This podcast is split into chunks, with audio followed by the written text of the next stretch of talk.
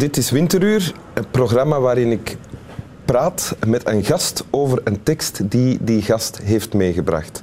En dat doe ik in gezelschap van mijn trouwe witte vriend Boris, de Golden Retriever. mijn gast, gaste vandaag is Jeanne de Vos. Zuster Jeanne de Vos, welkom. Jeanne de Vos. Jeanne de Vos, niet zuster Jeanne de Vos? Nee, de, zuster kan iedereen zijn. Jeanne, dat ben ik. Oké. Ik hou van een naam. Ja, Jeanne de Vos. Ik ga heel kort een paar dingen over u zeggen voor de mensen die niet weten wie u bent. Um, op haar twaalf jaar, u moet mij maar corrigeren als het niet klopt, uh, wist Jeanne, de kleine Jeanne, toen al, ik wil naar India. Terwijl Dat in, in een tijd dat niemand naar India ging. En nog een aantal jaar later bent u dan ook naar India gegaan als zuster. Hè? En daar beginnen werken met eh, arme mensen, met mensen met een handicap. eh, Doven. doven. En dan nog een aantal jaar, jaar later bent u begonnen met de National Domestic Workers Movement. Die hebt u in 1985 opgezet. Een beweging voor eh, mensen die eigenlijk bijna als slaaf werken. Hè? Helemaal als slaaf. Helemaal als slaaf. Toen. Toen heb- bent u daarmee begonnen. Ondertussen heeft die beweging eh, meer dan 2 miljoen leden. Klopt. Eh, en u bent tussendoor, hebt u ook nog wat prijzen ontvangen. Bent u genomineerd geweest voor de Nobelprijs voor de, we- voor de Vrede. Is met ter oren gekomen. En nu bent u hier omdat u ziek bent geweest. Dat is juist, Ja. in België. Ja, voilà. En u hebt een Dank tekst u. meegebracht. Klopte het wat ik zei? Ik heb een tekst meegebracht. Ja, maar wat ik daarvoor zei, klopte dat ook? Dat, dat is Ja. ook juist. Oké, we zouden nog veel meer kunnen zeggen, maar het gaat over de tekst die u hebt Ja. meegebracht. Wil u die voorlezen? Graag. Een tekst uit de Bijbel. Het is een tekst van Exodus, eh, hoofdstuk 3. En hij gaat als volgt. Toen sprak Yahweh, doe uw sandalen uit, want de plaats waar gij staat is heilige grond. Ik heb de ellende van mijn volk gezien, de jammerklachten om zijn onderdrukkers gehoord. Ik ken hun lijden en ik dal af om mijn volk te bevrijden. Ga er dus heen, ik zend u. Gij moet mijn volk naar de vrijheid leiden. Maar Mozes sprak tot God: Wie ben ik dat ik naar Farao zou gaan en dat ik uw volk uit Egypte zou leiden? God antwoordde: Ik zal er zijn. Maar Mozes sprak tot Yahweh: Ik ben geen redenaar, ik ben dat nooit geweest en ik ben het ook nu niet. Ik spreek moeilijk en traag. Yahweh gaf hem ten antwoord: Ga nu maar, ik zal u bijstaan als je spreekt en u ingeven wat je moet zeggen. Maar Mozes bracht hier tegenin: Neem mij niet kwalijk, Heer, zend liever iemand anders. Yahweh sprak: Uw broer Aaron de Leviet is er toch ook nog? Ik weet dat hij een goed spreker is. Ik zal u beiden bijstaan als je moet spreken en u ingeven wat je moet doen. Hij zal uw mond zijn.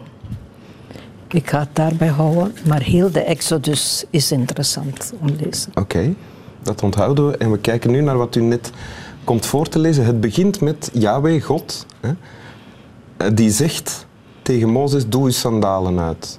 Want dit is heilige grond. Dat is dat brandend braambos, waarin dat, eh, Mozes opeens ontdekt dat het brandt en het verbrandt niet. En zegt God, doe je sandalen uit, want dat is heilige grond. En voor mij is dat het aanvoelen of het intreden, wat dat we tegenwoordig zouden noemen empathy, met de nood en lijden van mensen. Dat is heilige grond. Empathie voelen met mensen in nood. in nood. En met mensen in moeilijkheden. Neem nu vluchtelingen en wat er gebeurt met vluchtelingen.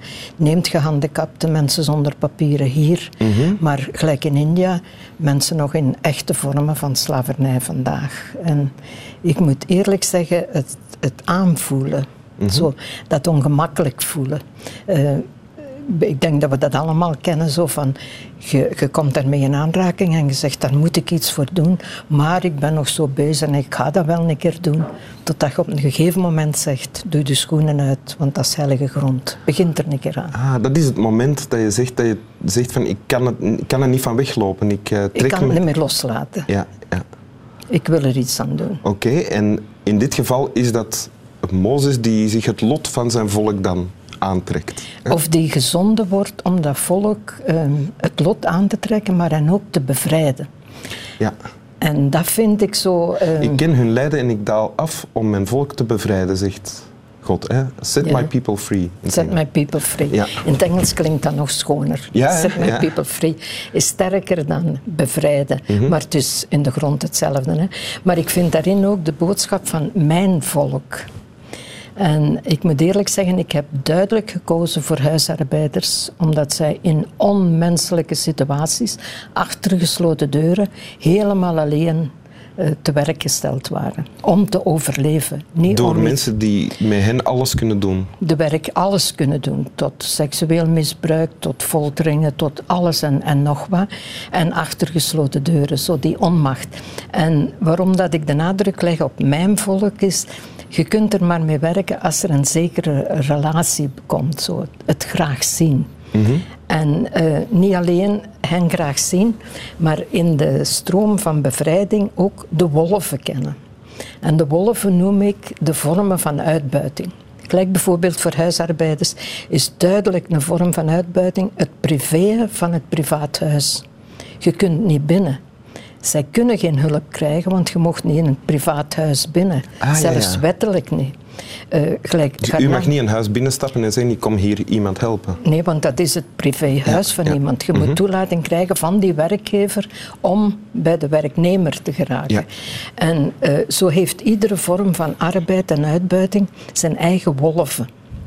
Ook het ehm, Wolven zijn obstakels om die mensen te helpen. Manieren waarop dat die mensen... zijn eigenlijk de systemen van uitbuiting. Ja.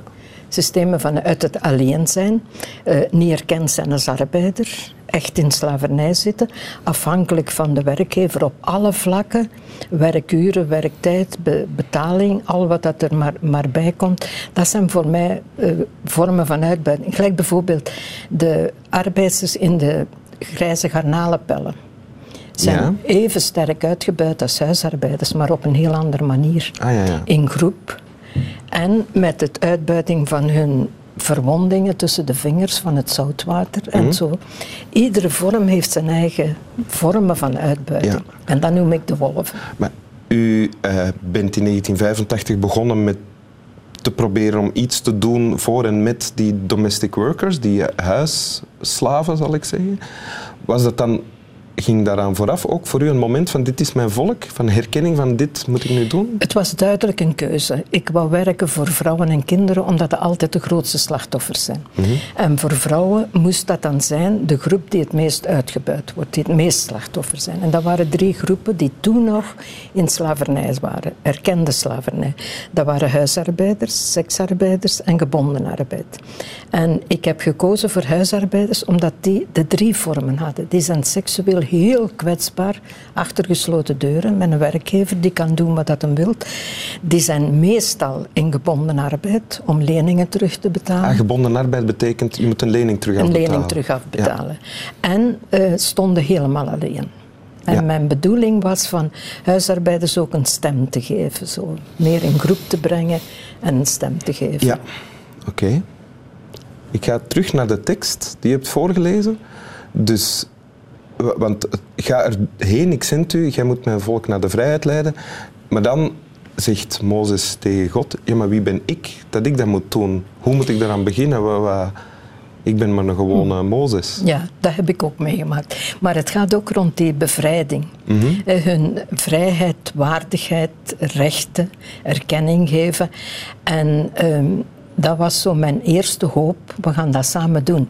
Maar eh, ik betrouwde mezelf niet zo. Zoals Mozes zichzelf hier ook Mozes, ja? eh, de- het verhaal van de Exodus is heel sterk mijn verhaal. Ah, ja. Zo van, wie ben ik? Zo geef ik die vrouwen geen valse belofte. Mhm. Dat zij ook gaan erkend worden als arbeiders, dat zij ook arbeidsrechten hebben, werkuren, een vrije dag en al zo'n dingen. Ja. Wie ben ik maar? Ja. Eh, en ga ik hen niet ontgoochelen, zodat dat je een zekere belofte laat leven en dan op een gegeven moment moet zeggen toch, het gaat niet. Eh, en dan is dat nog een keer een ontgoocheling meer, want die mensen worden de een achter de ander beloofd van dit en dat en daar komt nooit niets van. Zo niet En hoe zeker bent van u daarmee mezelf. omgegaan dan met die, met die twijfel? Eh, een stuk vertrouwen in het gemeenschappelijk doen. En daarin zie ik ook zo het volgende stuk van Ja. Aaron kan spreken. Ja. Gelijk bijvoorbeeld, dat waren Tamil-vrouwen in Tamil Nadu, de, Mhm. hun taal. En eh, de twee andere zusters die bij mij woonden, eh, konden, waren Tamilians, spraken die taal veel beter, verstonden veel beter zo. Eh, en gerekend daar dan op. Maar dan onder de vrouwen ook zo het uithoudingsvermogen dat zij hadden, was twintig keer meer dan dat van mij. En dan begint je daarop te rekenen. Zo. En de moed en, en het samenwerken. Eh, op heel korte tijd braken zij af van eh, tegen elkaar opkomen, want die kon hun werk afnemen. Maar begonnen zij als groep te werken en begonnen zij te ontdekken, als groep kunnen wij wel iets. En dat bouwt op. En toen bleek ook dat zij allemaal dingen konden die u niet kan. Die ik absoluut niet kan. Ja, en die u ook niet moet kunnen. En die ik niet moet kunnen. En daarin zie ik nog altijd zo van, rekent op de verschillende talenten die aanwezig zijn.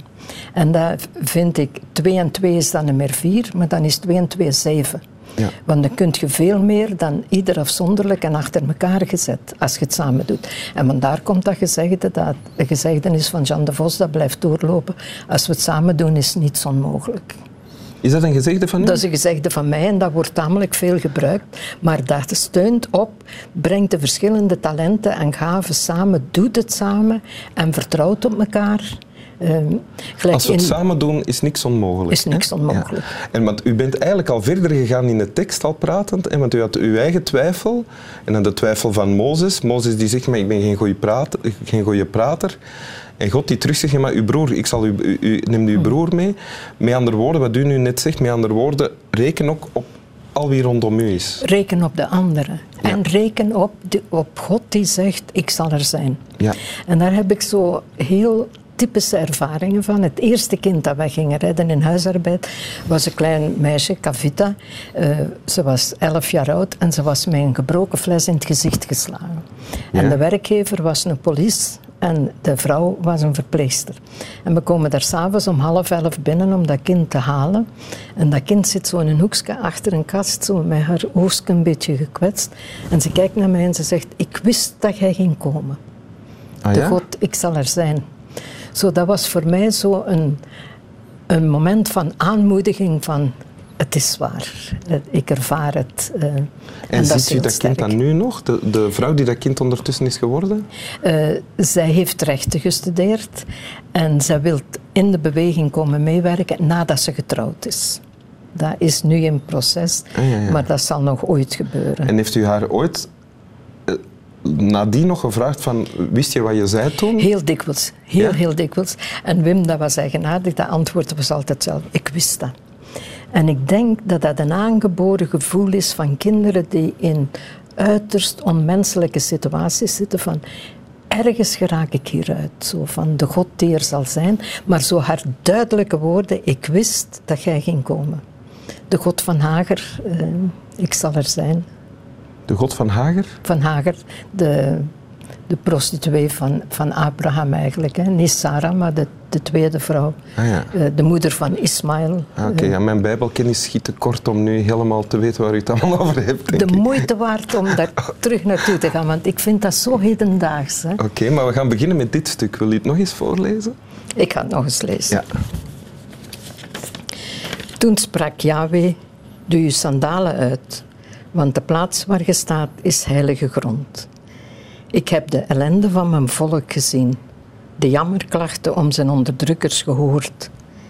Ik ken hun lijden en ik dal af om mijn volk te bevrijden. Ga er dus heen, ik zend u, gij moet mijn volk naar de vrijheid leiden. Maar Mozes sprak tot God: wie ben ik dat ik naar Farao zou gaan en dat ik uw volk uit Egypte zou leiden? God antwoordde, ik zal er zijn. Maar Mozes sprak tot Yahweh, ik ben geen redenaar, ik ben dat nooit geweest en ik ben het ook nu niet. Ik spreek moeilijk en traag. Yahweh gaf hem ten antwoord, ga nu maar, ik sta u bij als je spreekt en u, als je spreekt en u ingeven wat je moet zeggen. Maar Mozes bracht hier tegenin, neem mij niet kwalijk, heer, zend liever iemand anders. Yahweh sprak, uw broer Aaron, de leviet, is er toch ook nog? Ik weet dat hij een goed spreker is. Ik zal u beiden bijstaan als je moet spreken en u ingeven wat je moet doen. Hij zal uw mond zijn. Dat is Exodus. Dank u. Slaap wel. Slaap wel voor u ook. Dank u. Een goede nacht. En slaap wel voor u ook.